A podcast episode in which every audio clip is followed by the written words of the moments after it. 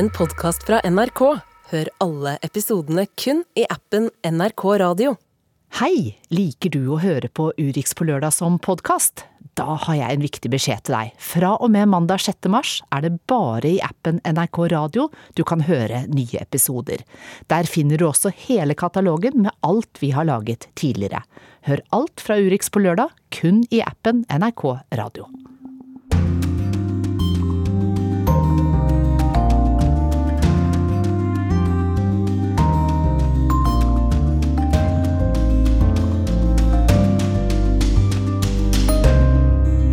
Hvor er det republikanske partiet på vei? Det er det store spørsmålet på CPAC-konferansen, der flere hundre republikanske aktivister og politikere er samlet i helga. Men hvem som skal lede landet, virker ikke som å være et spørsmål. So do you think it should Trump again? I, I'm supporting him. I've endorsed him, and I think he's going to. På Orkenøyene produserer de så mye kraft at de ikke engang klarer å bruke det off. Men likevel så lever folk i nød fordi strømmen er for dyr. Heating with electricity, is that an option at all? for Not now, no. Not even a thought. We don't even think about it. Libanon er kjent over hele Midtøsten for å være et mekka for skjønnhet og velvære. Og selv mens landet befinner seg i en dyp økonomisk krise, så opplever skjønnhetsklinikker over hele landet en enorm vekst. I feel like I have to be uh, the best version of myself. Jeg ønsker bare å være den beste versjonen av meg selv. Verden vil ikke belønne deg. Det må du gjøre selv. Velkommen til Urix, i studio Anja Strønen. Men først i sendingen så skal vi til Israel. For der har de nå i ni uker vært omfattende protester mot en rettsreform som kan få stor betydning for landet framover.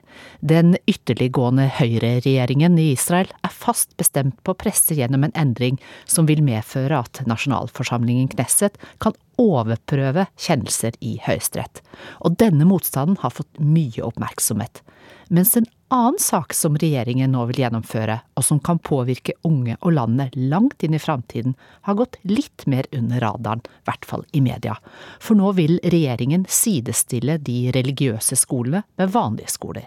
Og hver fjerde skoleelev i den jødiske befolkningen er nå ultraortodoks. Og de fleste går på egne religiøse skoler, der de lærer lite annet enn det religiøse. Dette skal vi høre mer om i en reportasje, men først velkommen til deg, Hanne Eggen Røiselien. Hei, tusen takk. Du er både forsker, religionshistoriker, og så har du bodd i Midtøsten. Kan ikke du forklare oss, hvem er de ultraortodokse?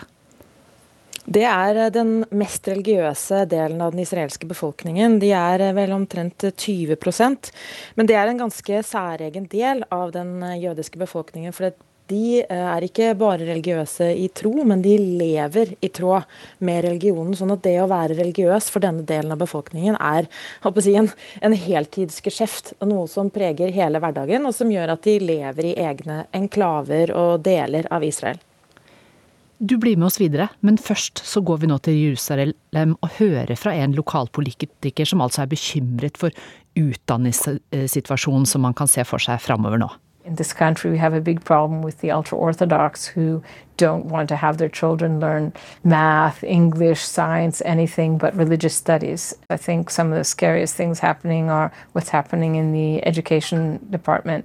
Ultraortodokse som ikke vil at barna skal lære matte, engelsk eller annet enn religiøse fag, er et problem.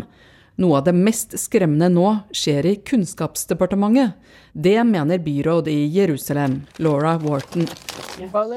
Hun er i det liberale partiet Meretz, og NRK treffer henne på et lite hjørnekontor i det massive kommunehuset som kneiser over byen.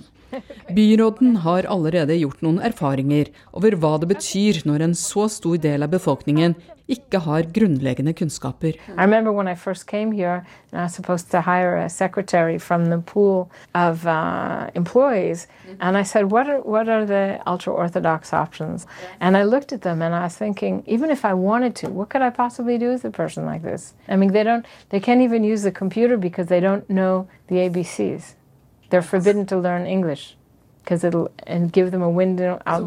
Da jeg skulle ansette en sekretær, så jeg på lista over ultraortodokse som jobber her, men enda så mye jeg ville, kunne jeg ikke ansette en av dem.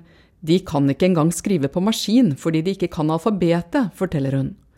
Og nå har den nye ytterliggående israelske regjeringen, som både består av ultranasjonalistiske og ultraortodokse partier, økt beløpet i statsbudsjettet de neste to årene for å finansiere de ultraortodokse skolene, uten å stille krav om at de følger vanlig læreplan. De øker også stipendene til studenter av de religiøse tekstene i Toraen, og disse studiene skal sidestilles med annen høyere utdanning et tilbakeslag, mener Wharton.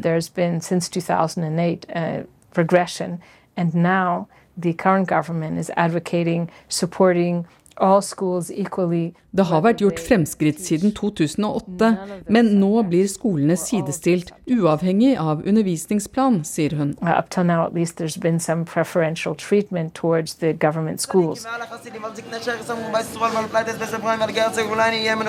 De ultraortodokse jødene var få da de ble gitt spesiell status etter at Israel ble til, der de kunne fordype seg i bønn, slippe verneplikt og fikk rett til å utdanne sine egne som det passet dem. Men nå er de mange, over 1,1 million ifølge Israels demokratiske institutt, som er en uavhengig forskningsinstitusjon. Og siden de får nærmere sju barn i snitt, er det ventet at de blir dobbelt så mange om bare ti år.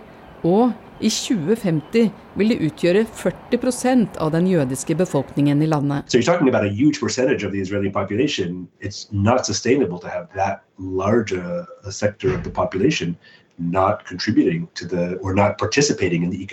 the. Det er ikke bærekraftig, sier Avi Naumann.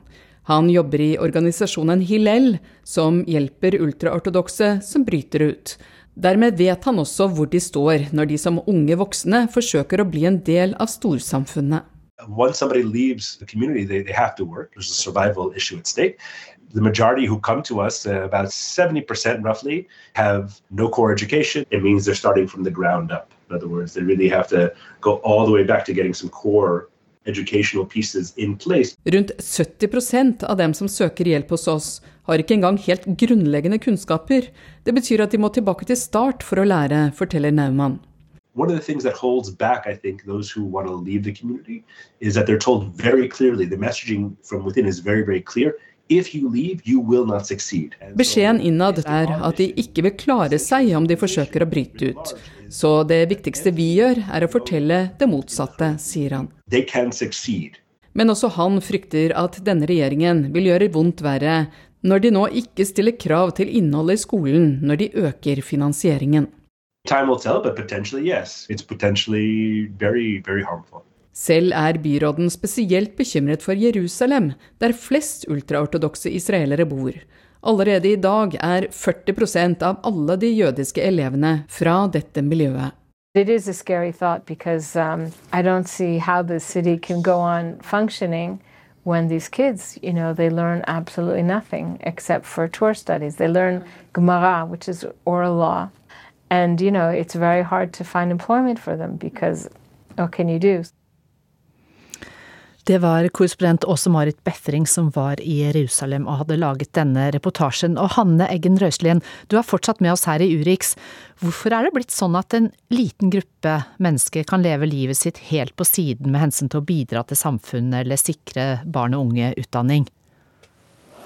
Altså, det er jo ganske eh, Det er mange fasetter i svaret på det. Men eh, det er som det blir nevnt litt i reportasjen også, at utgangspunktet har å gjøre med eh, hvordan og hvorfor Israel ble opprettet i kjølvannet av andre verdenskrig. For da var det et grunnleggende premiss for hele staten at Israel skulle være et sted hvor alle former for jødisk religiøs og kulturell utfoldelse skulle få finne sted. Så det skulle ikke være et sted hvor det skulle legges en masse begrensninger på det det å være jøde. Og det å være jøde er jo mange forskjellige ting. Det er jo sekulære jøder, som det nevnes her, og religiøse. ikke sant? Og De kom jo da, kom jo da fra et Europa med assimilering, var jo én ting, ikke sant? men også selvfølgelig holocaust. Og På den tiden der så var jo eh, den jødiske befolkningen relativt sett ganske liten, og de ultraortodokse var jo bare eh, noen eh, fåtalls tusen. Sånn at det å gi det fritaket sånn sett da, for at de skulle få lov til å bare leve sitt liv, det var jo sånn sett relativt sett ganske enkelt. Men så var det nok ingen som hadde sett for seg at den situasjonen som skulle, at, de skulle ende i den situasjonen de er nå, som har å gjøre med demografi. fordi at um, det å frita dem, det betyr jo også at eh, noen andre må jo drive med, med genereringen av eh, sant, eh, økonomisk vekst og skattebetalinger og sånne ting. Mm. Og det har jo blitt et kjempetema, stridstema i Israel. For nå er det jo hvis denne befolkningen her er jo nå over 20% som ikke gjør noen ting. Sant? Og det er klart at det er eh, konflikttema. Kanskje du må Men, forklare litt eh, nærmere når du sier at de ikke gjør noen ting. Hva er det de egentlig gjør? Nei, for det er jo den andre siden av det. Ikke gjøre noen ting er jo ikke selvfølgelig sant, men jeg mener noen ting i forhold til å bidra til eh, økonomisk vekst. Ikke sant. Men, det er to, men, det er to andre ting også, faktorer her, og det må bare trekkes fram. Da, og Det har å gjøre med Netanyahus eh, valgplattform. Fordi eh, han har jo nå en ganske Det blir jo sagt at det er en ytterliggående regjering, og det er jo sant. Men mm. den er jo sammensatt av en masse småpartier. Sånn at de ultraortodokse blir jo nå eh, sammen med Høyre jeg vet ikke om vi skal bruke det ordet, uh, ytterliggående settlere blir jo tungen på vektskålen her. Og det er jo de gruppene der som gjør at Netanyahu får lov til å uh, beholde makten. Sånn at han spiller på dem. Og så er det tredje punktet også, så vi må bare trekke, trekke fram det. Og det er jo at det eh, Vurderingen som legges fram i eh, denne, det innslaget deres, er jo at sett fra et sekulært standpunkt at det er et problem. Men for, sekulær, nei, for ytterliggående og religiøse så er det jo ikke et problem. selvfølgelig. Da er det helt naturlig. Ja, det er, ikke sant, det er noe med det. Hva er standarden her? For det er jo ikke et ønske fra de ultraortodokse å delta. Tvert imot. Det å være ultraortodoks Det er liksom vanskelig å ta inn over seg, men det å være det betyr jo rett og slett at man lever hele livet sitt fra man står opp til man legger seg, i tråd med de religiøse tekstene og de påbudene fra fra Gud. Og det er klart at det tilsier ikke at man skal delta i valg eller ha, jobbe i en kiosk eller på Rema. Eller, ikke sant? Du skal ikke være med på det der. Men, men hva er det, hvis vi går tilbake til dette med, med, skole, da. Hva er det de unge da lærer? Og hva er det de går glipp av? Lærer de religiøse tekstene. Ja. ja ikke sant? ikke matte, naturfag, engelsk. Nei, de lærer de religiøse tekstene. Mm. Uh, og det er jo, De lærer jo den religiøse, jødiske, uh, veldig konservative da, tradisjonen. Så du lærer selvfølgelig hebraisk, og, og sånt, men lærer, det er altså en, eh, en religiøs, tekstlig og erfarings- og tradisjonsutdanning. Det er klart at Hvis du skal der, så trenger du ikke lære derivering og gangetabellen og det å stave riktig. Og, du trenger ikke lære geografi. Hvis du ikke forholder deg til internasjonal politikk, så trenger du heller ikke lære om si, FN og Nato. Sant? Men det er jo som han siste som var med her også sa det at når de vokser opp, og hvis de vil gjøre noe annet, så, så har de på en måte ikke en sjanse. Da må de begynne helt på starten av. For de ja. har ikke engang hatt en eh, vanlig barneskole eller en vanlig ungdomsskole. De har ikke lært det grunnleggende. Eller som politikeren her sa, at eh, de kunne ikke engang alfabetet, sånn at de kunne brukes til å skrive på maskinen. Og hva, hva kan bli konsekvensene da hvis enda flere velger den type skoler i tiden framover, siden Netanyahu sin regjering legger til rette for det. Ja. Men jeg må da si at det er jo ikke et valg. Eh, det er ikke, jeg må bare si at Premisset for å forstå det er ikke at noen velger å ta barna sine ut av sekulære skoler. Det er ikke en, Denne delen av den jødiske israelske befolkningen forholder seg jo ikke til det sekulære samfunnet. Men det er jo et problem for Israel i stort, fordi at Israel i konsekvens går jo konk, er jo det ene. For dette er jo en enorm utgifts, utgiftspost. En stadig økende befolkning som lever på trygd. Og så er det den andre siden som gjør at det er en stadig større konflikt i Israel også. og Det er jo at det faller på hele den sekulære delen av befolkningen ikke bare å tjene pengene, men altså sørge for økonomisk vekst, men også det å forsvare landet. Og Israel har jo vært, som de aller fleste vet, vil jeg tro, eh, vært i konflikt helt siden sin opprettelse. Forsvaret er en gedigen institusjon, og den og med et større og større ansvar, kan man jo si. Og det faller på en mindre og mindre og mindre del av befolkningen. Det er klart at De som da må både drive og sørge for økonomisk vekst, en med en større utgiftspost for en befolkningsgruppe mm. som de ikke anerkjenner, og samtidig skal sende barna sine i militærtjenesten med alt det det inkluderer, det er klart at de blir jo ikke særlig fornøyde av den utviklingen her. Men helt til slutt her, Hanne Eggen Røiselien, så må vi jo ta eh, med noe som kanskje, kanskje kan være eh, noe positivt med dette her, da, som, som vi snakket om litt litt tidligere. Og det er jo hva skjer da med Midtøsten-konflikten i framtiden, hvis det blir så mange ultraortodokse? Nei, altså Demografisk sett så vil jo mye av eh, Midtøsten, av konflikten mellom israelerne og palestinerne på en måte løse seg selv. Men jeg tror ikke vi skal eh, altså i den forstand at da vil jo i det, sånn som det sies i rapport, uh, reportasjen her, så vil jo ikke innen jeg vil si overskuelig framtid så blir, blir jo faktisk de ultraortodokse majoriteten i Israel. Og de bryr seg jo relativt sett fint lite om uh, storpolitikk og en del sånne ting. sånn at uh, så, så, kunne man sagt at det er en løsning. Men jeg tror ikke at det helt er å se på, mene at det er en positiv ut, utvikling. Takk til deg, forsker og religionshistoriker Hanne Eggen Røislie.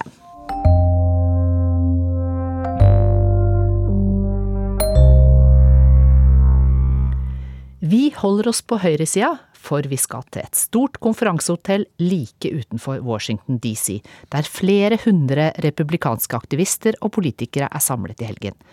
Et av årets store spørsmål er hvor det republikanske partiet er på vei hen, og om Trump vil klare å sikre seg nok en presidentnominasjon.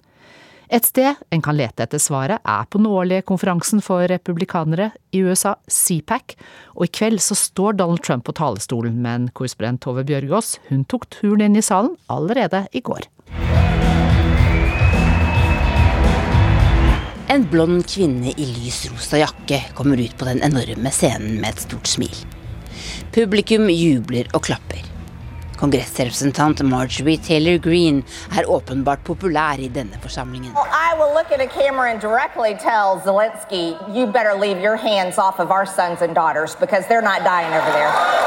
Jeg har én beskjed til Ukrainas president, sier hun. Ligg unna sønnene og døtrene våre. Volodymyr Zelenskyj har ikke sagt at USA må sende soldater til Ukraina. Green gir imidlertid inntrykk av at han har det, og legger til at USA må slutte å finansiere krigen. Publikum jubler. Kongresskvinnen fra Georgia som en gang sa at dersom hun hadde organisert stormingen av Kongressen, så ville demonstrantene ha vunnet, er populær her. Hun er blitt en mektig politiker i det republikanske kongressflertallet, og var et av trekkplastrene på konferansen i går. I dag kommer imidlertid det aller største Donald Trump selv. CPAC-konferansen pleide å være et sted der alle med presidentambisjoner blant republikanerne dukket opp. Men i år er det flere som ikke er her. Bl.a. mannen som regnes som Trumps sterkeste potensielle rival til neste år, Floridas guvernør Ron DeSantis. I en stor messehall kryr det av nyproduserte Trump-effekter. Og her har også noen laget en kopi av Trumps versjon av det ovale kontor i Det hvite hus, der folk kan ta bilder bak en pult. Jeg møter igjen Marjorie Taylor Greene. So do you think it should be Trump again?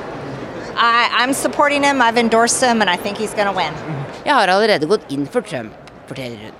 Han kommer til å vinne. Like i nærheten står et annet kjent fjes. Du husker ham kanskje fra begynnelsen av Trumps presidentperiode. Han heter Sean Spicer og var Trumps første pressetalsmann. When do you think we'll have know who the candidates will be and how many there will be? You'll know in July. Why? Because the first debate is going to be in August. How many do you think is going to go up against Trump? Uh, my guess is that you see eight or nine candidates. Innen juli må alle som vil stille som presidentkandidater melde seg, for i august skal den første republikanske debatten finne sted, forteller han meg. Spicer tror så mange som åtte-ni kandidater kan komme til å utfordre Trump. Så langt er det bare én som offisielt har gjort det. One of my heroes, Margaret Thatcher, said the problem with socialism is you end up running out of other people's money. Tidligere guvernør i Sør-Carolina, Nikki Haley. Every politician over 75 years old should be required to take a mental competency test. We should start with Joe Biden, and we shouldn't stop there. Hun kom også på talerstolen her i går og slo et slag for sine relativt unge 51 år. Hun mener alle politikere over 75 bør gjennomgå en kognitiv test. Trump er 76 år gammel. Men kanskje straffer det seg å si slike ting i denne forsamlingen. Da Haley kommer ut av salen, blir hun møtt av en gjeng som taktfast roper 'Vi elsker Trump'. Og i kveld kommer altså Trump hit til CPAC. De siste dagene har han trappet opp sine angrep mot Floridas guvernør Ron DeSantis, og det er ventet at han vil gjøre det samme i kveld. Og bare én time etter Trump skal DeSantis tale på en annen republikansk konferanse i Texas i kveld.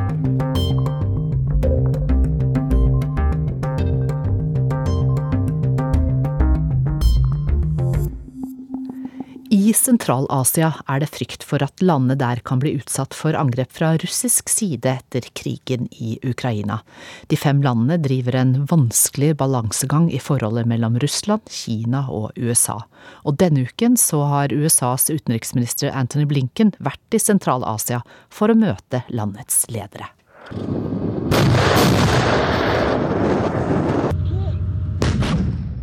Russiske okkupasjonsstyrker i Ukraina skyter med kanoner mot ukrainske mål. Krigen var hovedfokus også i møtene som USAs utenriksminister Anthony Blinken hadde denne uka med lederne i de fem landene som utgjør Sentral-Asia. No the victims every single day of Russia's aggression. The war could end tomorrow so. Ingen ønsker fred mer enn befolkningen i Ukraina. De er ofre hver dag for Russlands aggresjon, sa den amerikanske utenriksministeren. Han understreket at krigen kunne vært over i morgen hvis Putin hadde bestemt seg for det. It's a great pleasure to see that Secretary Blinken is committed to Central Asia and Høflighetsfrasene haglet under samtalene som utenriksminister Blinken hadde med lederne i de sentralasiatiske landene Kasakhstan, Usbekistan, Kirgisistan, Tadsjikistan og Turkmenistan. Men det kom også viktige ord og uttrykk som viste hva besøket egentlig dreide seg om. Kazakhstan will continue its multi-vector and balanced foreign policy. In this respect, both Central Asia and the United States are major priorities for us. Den kasakhstanske utenriksministeren Mukhtar Tileuberdi sa at hans land vil fortsette sin balanserte utenrikspolitikk. Det betyr å fortsette en vanskelig balansegang, nemlig å ta hensyn til interessene som både Russland, Kina og USA har i denne regionen. Men utenriksminister Blinken kom også med en advarsel om at Russland kan komme til å angripe flere land enn Ukraina. If we allow them to be violated with impunity, then that does open the prospect that Russia itself will continue uh, will consider further aggression against other countries if it sets its sight on them, or Hvis Russland ikke blir straffet for det landet gjør nå, så åpner det for at russerne vil vurdere aggresjon også mot andre land, sa utenriksminister Blinken, uten å nevne hvilke land han konkret tenkte på. Utenriksministeren påpekte at dette vil kunne føre til en verden med konflikt og ustabilitet, og at det er avgjørende at mange land sier klart fra om at en slik utvikling er uakseptabel. De sentralasiatiske landene har langvarig samarbeid med Russland om økonomi og sikkerhet. Men i motsetning til tidligere sovjetrepublikker som Belarus, har de ikke støttet Russland når det gjelder krigen i Ukraina. Senior fagrådgiver Ivar Dale i Den norske Helsingforskomité har bodd flere år i Sentral-Asia, og sier at det er en frykt for at Russland kan komme til å gripe inn her også. Eh, ja, det er en frykt, og det er jo en høyst uh, en, en, frykt som jeg syns er, er velbegrunna. Når du ser hva Russland er villige til å gjøre i nabolandet sitt Ukraina, Uh, som, som, er et sterkere land enn en det Kasakhstan er militært, så er det jo ingen tvil om at hvis de hadde grei, hvis, de, hvis, de hadde, hvis Putin hadde fått en su stor suksess i Ukraina, hvis han hadde greid å ta Kiev uh, på kort tid, som han hadde planer om, så, så er det ingen grunn til at Kasakhstan ikke skulle være nestemann på lista.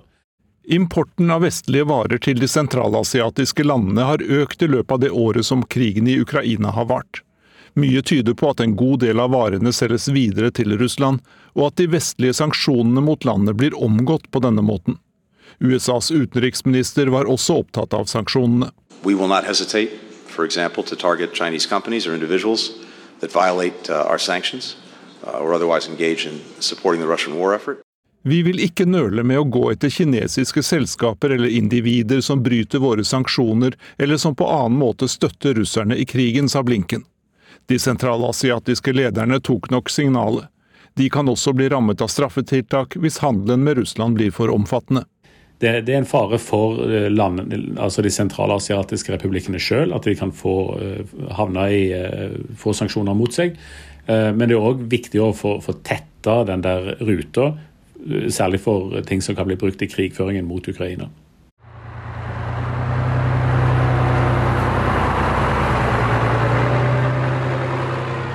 Det russiske forsvaret er i gang med å trene avdelingene som skal delta i militærparaden på Den røde plass i Moskva den 9. mai. Her er det lastebiler med langtrekkende atomraketter som forflyttes. Russland holder ikke opp med å vise fram militær styrke. Men det har nok gått litt eh, hull på ballongen etter at eh, en har fått sett hvor Russland sliter med å bare ta noen fylker i Ukraina. Så det tror jeg har gjort at, eh, at Russland har tapt mye av sin, sin standing liksom, i Sentral-Asia. Samtidig så er jo folk der erfarne med Russland. De er klar over hvilke metoder de kan ta i bruk, så, så de må være forsiktige når de skal velge veien sin videre. Det sa senior fagrådgiver Ivar Dale i den norske Helsingforskomiteen, og reporter var Jan Espen Kruse.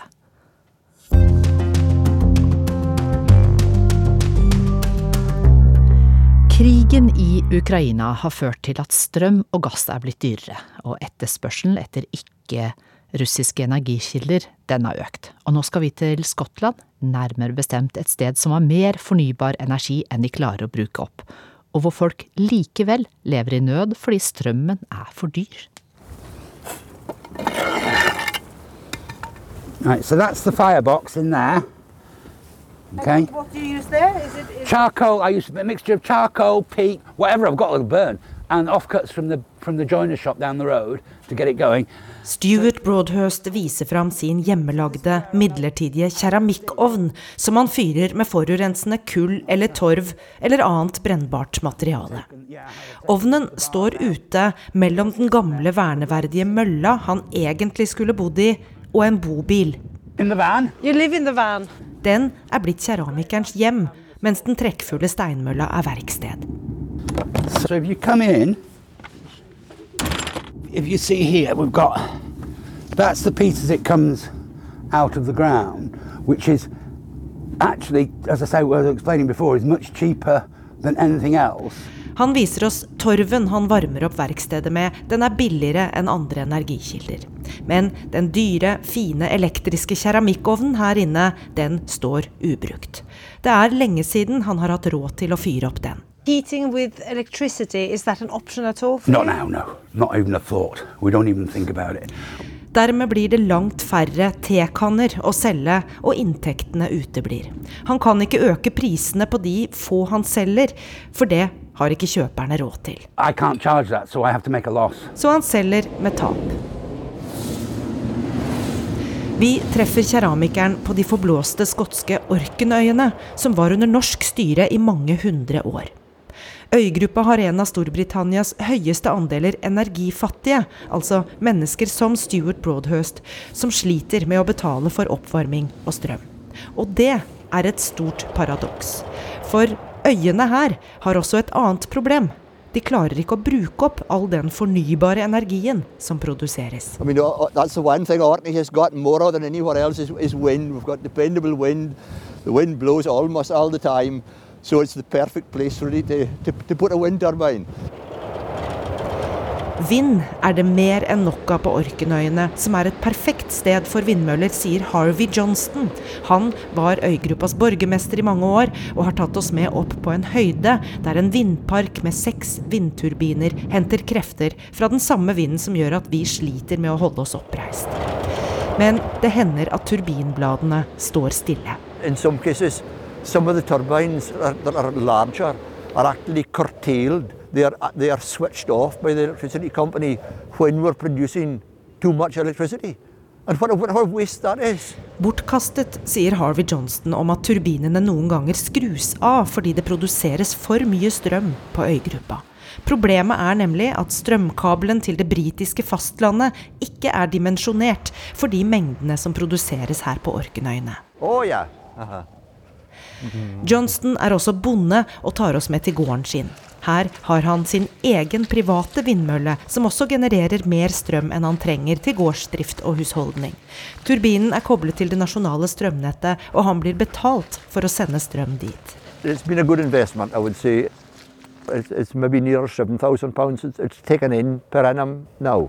7000 pund, nesten 90 000 kroner i året med dagens kurs. Det er overskuddet han har hatt de ti årene han har hatt denne vindturbinen. Og lokale mikrokraftverk som dette er blitt populært. Det fins over 1000 av dem på øygruppa nå. Store og små vindmøller preger landskapet rundt oss, og det planlegges flere. For blir det mange nok, får de en ny og større strømkabel til og fra det skotske fastlandet. Ikke alle de 22 000 orkenøyingene er like begeistret. Vi får jo ingenting igjen for det, sier fiskeren Martin Fowlis.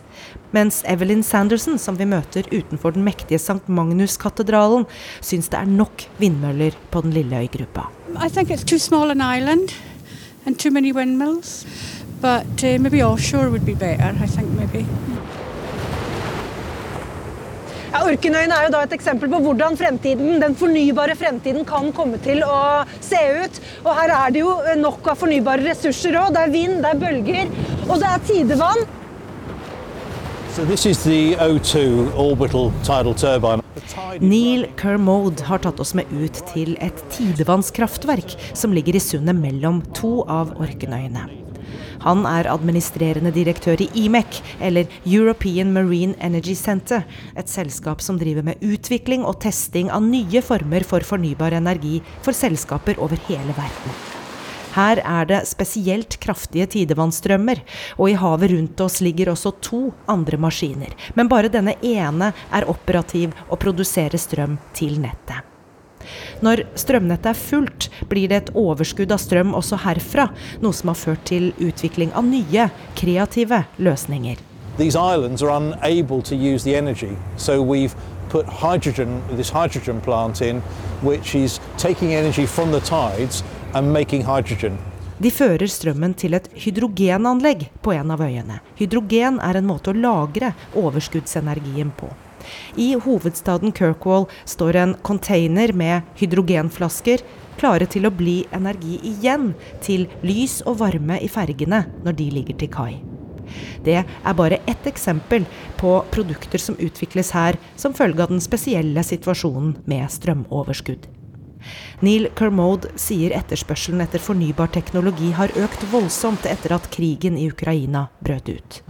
Yes, yes, it has. I mean, it's awful what's going on in Ukraine, but I have to say, from a renewables point of view, it's been strangely positive because suddenly people have realised that energy is a thing.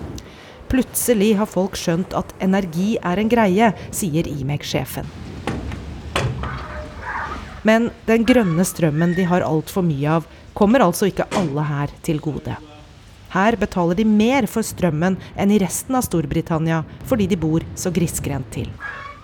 I sitt trekkfulle verksted prøver keramiker Stuart Broadhurst å glede seg over at han tross alt selger en tekanne i ny og ne. Det er det som redder ham. A couple of weeks, yeah. We can go, we can go to the shop and get some food. Det var korrespondent Gry Blekastad Almås som hadde vært på Orkenøyene. og du kan se reportasjen i Søndagsrevyen.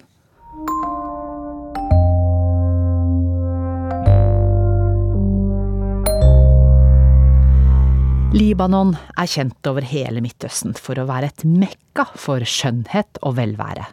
Og selv mens landet befinner seg i en dyp økonomisk krise, så opplever altså skjønnhetsklinikker over hele landet en enorm vekst.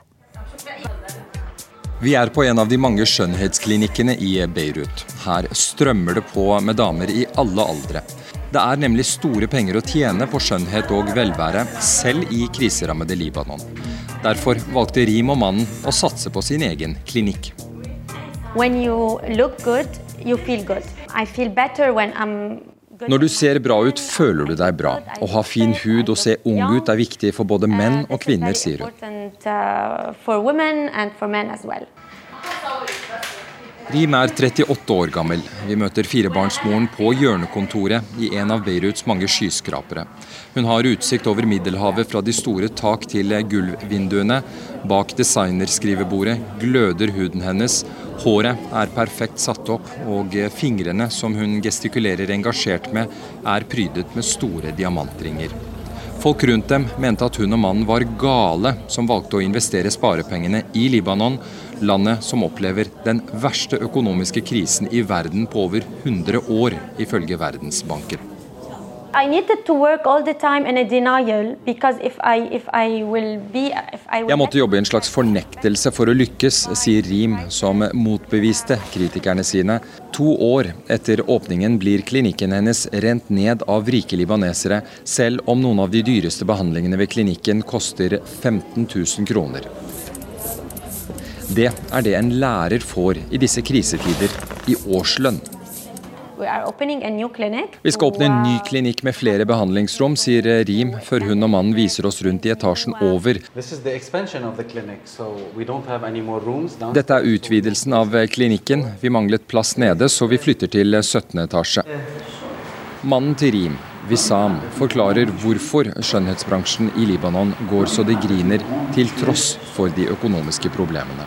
People stuck at home, uh, even when they are conducting a lot of uh, e- e-calls like Folk har sittet fast hjemme. Når de deltar på Zoom og Teams-møter, ser de seg selv på skjermen. De liker kanskje ikke det de ser, og ønsker å forbedre utseendet sitt. to, to enhance that image and to improve it. And this is where we, we, we had the benefit at the clinic.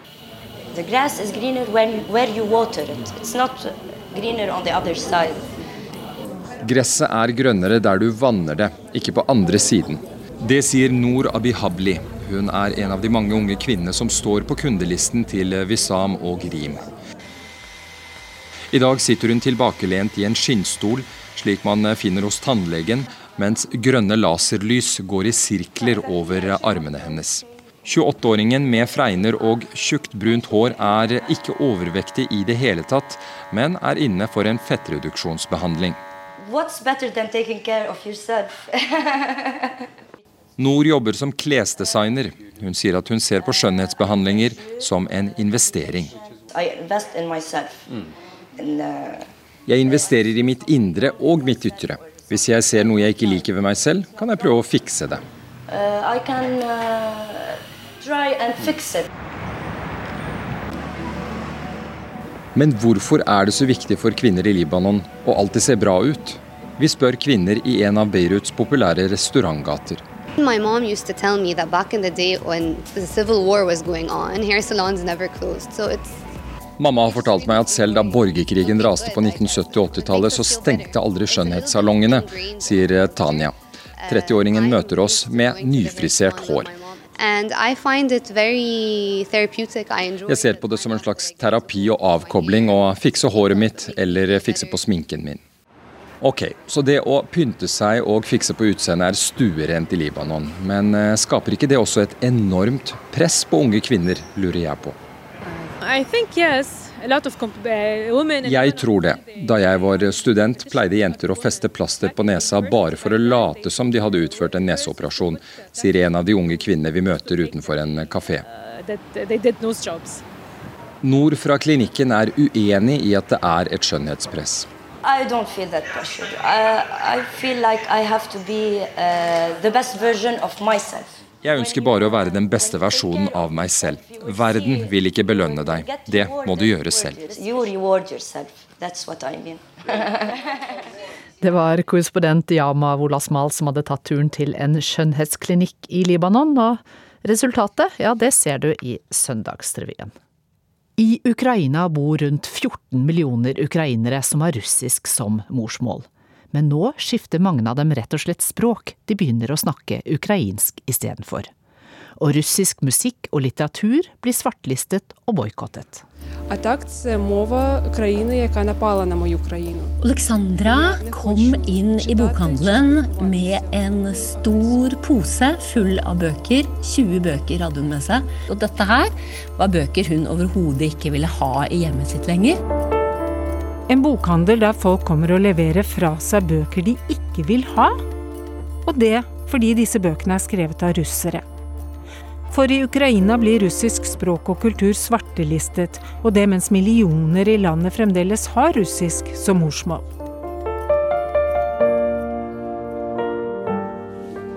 Denne bokhandelen ligger i hovedgata i, eh, i Kyiv, Khreshchatyk.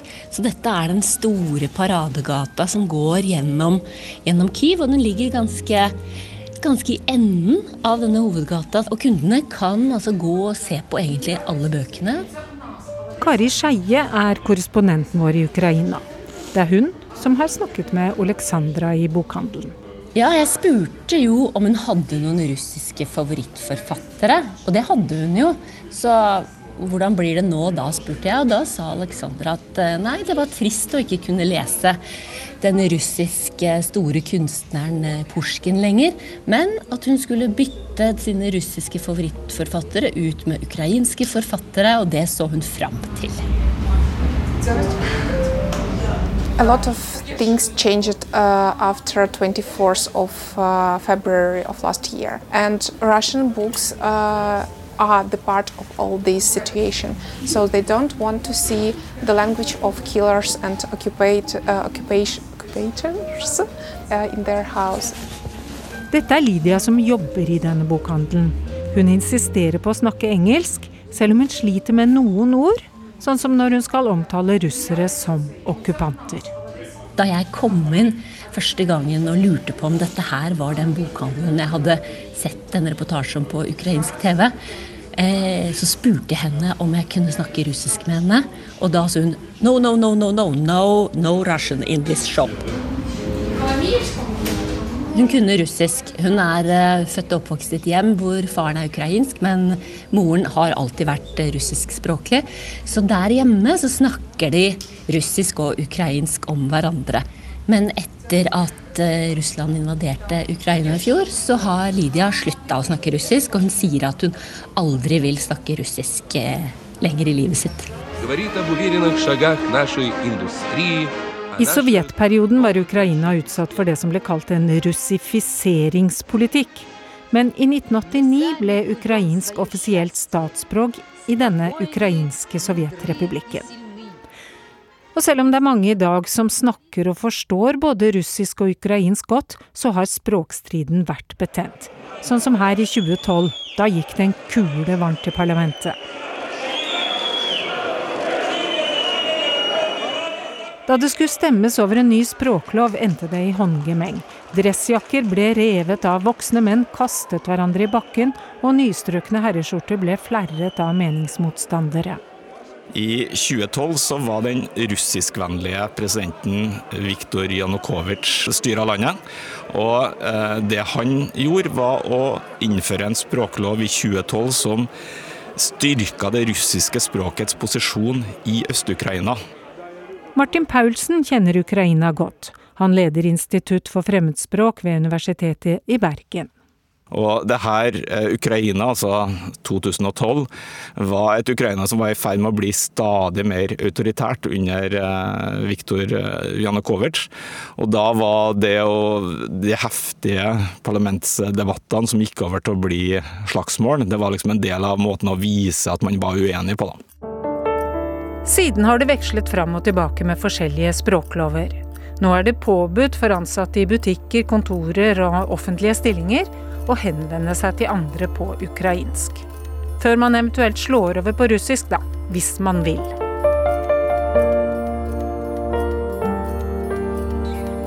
Det har vært en tydelig styrking av det ukrainske språket i det offentlige rom de siste årene. Hvis vi hopper litt tilbake da, Hvordan forholdt folk seg til disse to språkene? Var det sånn at de liksom kunne begynne en setning på det ene og, og fortsette på det andre?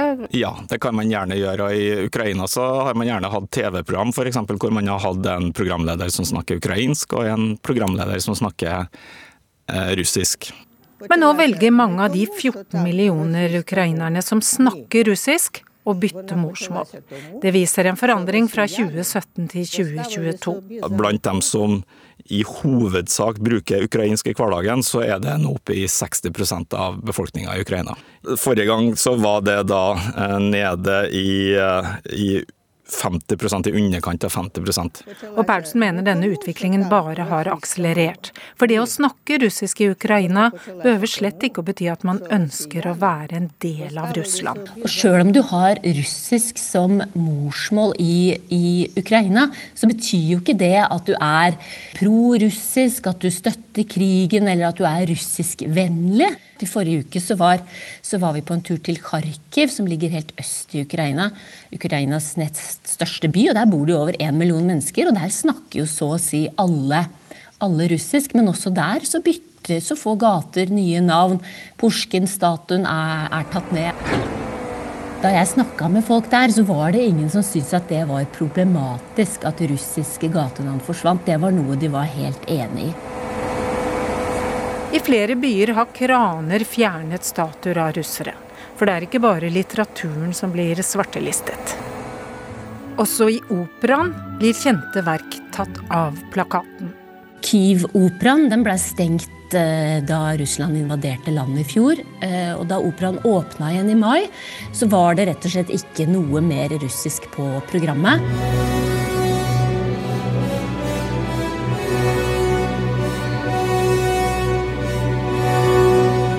direktøren for operaen, Anatolij Solivienko, han ga et intervju for eh, ikke så veldig mange uker siden. Og da sa han jo at verken han eller de ansatte på operaen har noe å utsette på den russiske komponisten Tsjajkovskij sin musikk, men at denne musikken i dag representerer Russland og russisk ideologi, og det kan man ikke lenger forholde seg til eh, i Ukraina. Også bykart blir nye. Både plasser og gater får nye navn. Bare i eh, Kyiv så ble 100 gater fikk et nytt navn i løpet av, av, fjoråret. Og det her er noe som pågår så å si hele tida. I begynnelsen av februar så kom det melding fra bystyret i Kyiv om at da hadde man vedtatt at man skulle forandre ytterligere 31 gatenavn. og Det handler da om at alle gater som er oppkalt etter russiske eller sovjetiske personer, eller har noe russisk eller sovjetisk ved seg, det skal helt bort. Og da kan nye problemer dukke opp? En drosjetur f.eks.?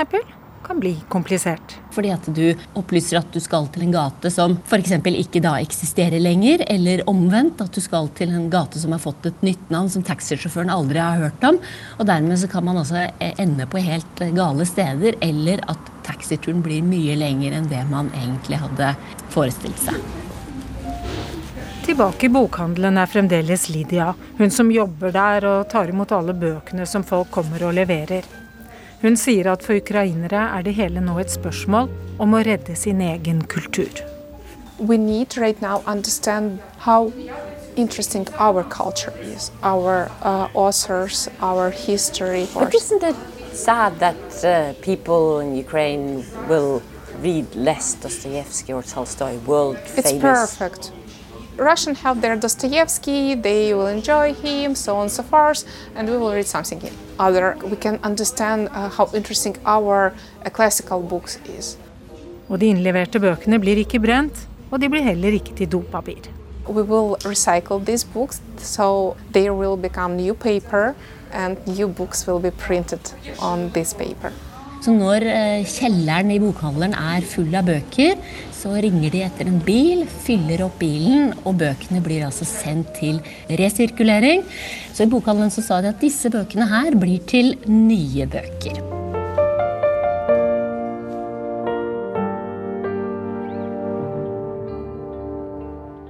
Det fortalte korrespondent Kari Skeie i Ukraina. Hun snakket også med Lydia i Kiev, og du hørte instituttleder Martin Paulsen ved Universitetet i Bergen, og reporter Marit Kolberg. Redigerer her var Vegard Erstad. Og hver uke ut året så vil utenriksredaksjonen lage en egen Ukraina-podkast, slik som du hørte her, og du kan høre den her i Urix på lørdag, eller en lengre versjon i appen NRK Radio. Nå til Beijing, for der åpner Folkekongressen i morgen. Kongressen er selve finalen på president Xis mangeårige arbeid med å gjøre seg selv til Kinas mektigste mann siden formann Mao. Ukas korrespondentbrev er postlagt av Philip Lote i Beijing, ganske nær folkets store sal. 1 meter og 78 cm høy, eller kanskje 1,80.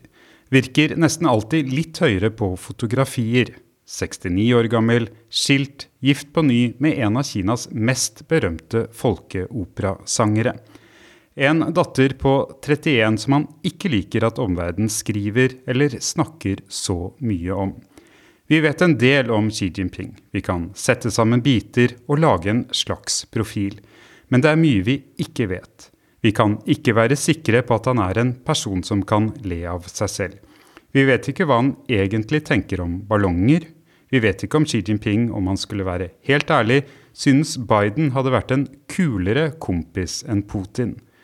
Magasinet The Economist kåret i fjor Xi Jinping til verdens mektigste mann. Joe Biden er kanskje president for verdens ennå mektigste land, men den amerikanske presidenten deler makten med flere folkevalgte fra to partier og en uavhengig domstol som kan tenke annerledes enn presidenten. Xi Jinping er partileder for ett parti, med 95 millioner medlemmer, president og øverste leder for 1,4 milliarder innbyggere, og som Kinas statskontrollerte medier alltid legger til i alle artikler om Xi, og de er det mange av, også leder for Kinas militærkommisjon.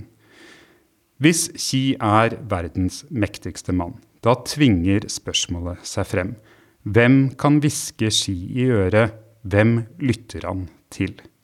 En liten gruppe eldre menn? Kona? Datteren? De unge? Imens vi lurer, er Ski i ferd med å legge siste taksten på et ytterst ambisiøst maktverk. I høst sikret Xi seg som første leder etter formann Mao en tredje periode som Kinas øverste leder. Når du denne uken ser bilder fra Folkets store sal i Beijing, ser du selve finalen i spillet om makten. Det er folkekongress. Vi vil få se Kinas nye statsminister. De mest Kina-interesserte vil følge nøye med de som har fått lederjobbene for de viktigste byene. Hvis noen av de får øre til Xi, kan vi se hvem som kappes om å bli hans arvtaker. Men hva med folket? Har de øre til ski? I noen dager i månedsskiftet november-desember stilte mange kinesere dette spørsmålet. De var kollektivt fortumlet. I Beijing var noen tusen unge studenter slitne etter en lang natt på byen. De hadde protestert. De unge holdt opp blanke, hvite ark over hodene for å si at deres stemmer og folkets frustrasjon over et smittevern som ikke lenger ga mening, ikke ble hørt. Du får en intens følelse av å være nær noe sårbart, noe som kan gå i stykker når du står i gatene i Beijing og ser unge stå opp imot noe så mektig som parti og stat i Kina. Det handlet om å bryte ut av isolasjon, om frihet fra å leve nedstengt, om ikke å gi fra seg mer av sin ungdomstid. Og Xi snudde. I løpet av noen få døgn gikk Kina fra å praktisere en streng nulltoleranse for smitte til å fjerne alle restriksjoner. Xi knyttet mye personlig prestisje til nulltoleransepolitikken. Det virker lite sannsynlig at han snudde helt på egen hånd. I løpet av høsten lekte tankene bare med spørsmålet. Nå gikk det opp for meg hvor grunnleggende viktig det var. Hvem kan snakke til Xi og bli hørt? Hvem kunne si noe sånt som 'viruset sprer seg allerede eksplosivt', 'nulltoleranse kveler økonomien', verken du eller partiet er tjent med at protestene begynner å handle om noe mer. Den personen, eller de personene, kan bli ekstremt viktig for flere spørsmål fremover, som direkte avgjør svært mye for mange mennesker, også hjemme i Norge. Dialogen med verden, forholdet til USA, Taiwan, krigen i Ukraina, hvordan Beijing svarer på at USA nekter Kina tilgang til vestlig teknologi. Hvilken rolle Kinas pandemiskadde økonomi kan spille i gjenoppbyggingen av den globale økonomien. Hvem kan snakke til Xi og bli hørt? Det er et lite persongalleri som melder seg. De to politikerne Li Qiang, Wang Honing, kona Pang Liyuan og datteren Xi Mingzhe. Li Chang er mannen som trolig overtar som statsminister. I Vesten er vurderingen at Li Changs karriere har bestått av å levere det Xi ønsker, ikke en som selv blir lyttet til. I Kina sier flere i næringsliv og politikk at fordi han har Xis tillit, vil Li Chiang ha et stort handlingsrom.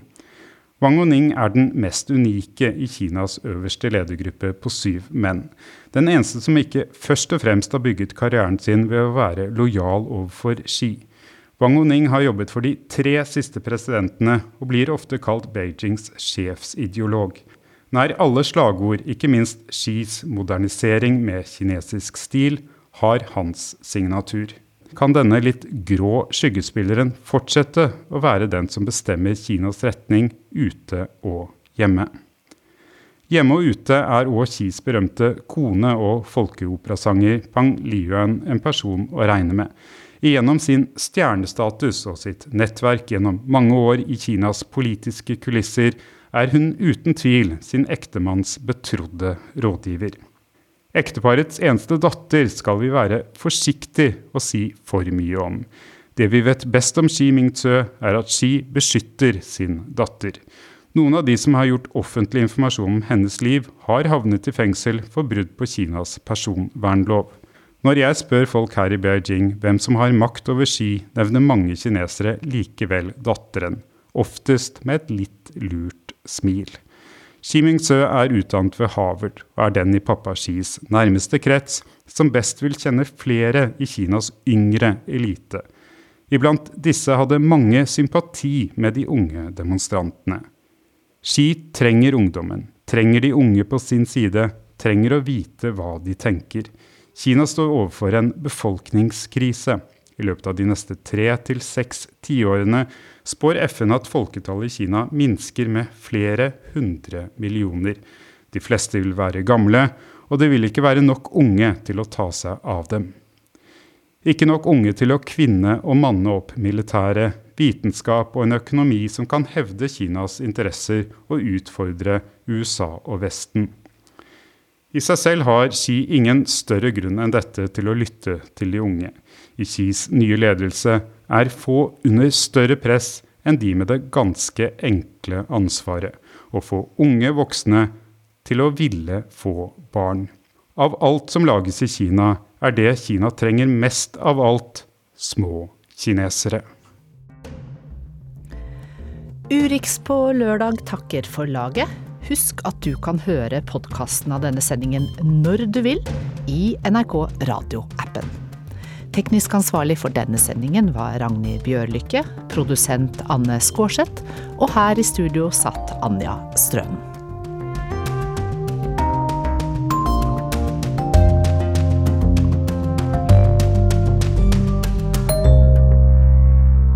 Du har hørt en podkast fra NRK.